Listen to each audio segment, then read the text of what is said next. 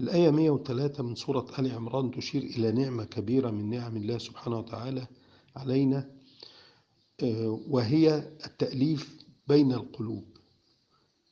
واذكروا نعمة الله عليكم إذ كنتم أعداء فألف بين قلوبكم. فالتأليف بين القلوب يخلي فيه قوة واتحاد وسكينة في المجتمع والدليل إن في الآية 105 من نفس السورة ولا تكونوا كالذين تفرقوا واختلفوا من بعد ما جاءهم البينات.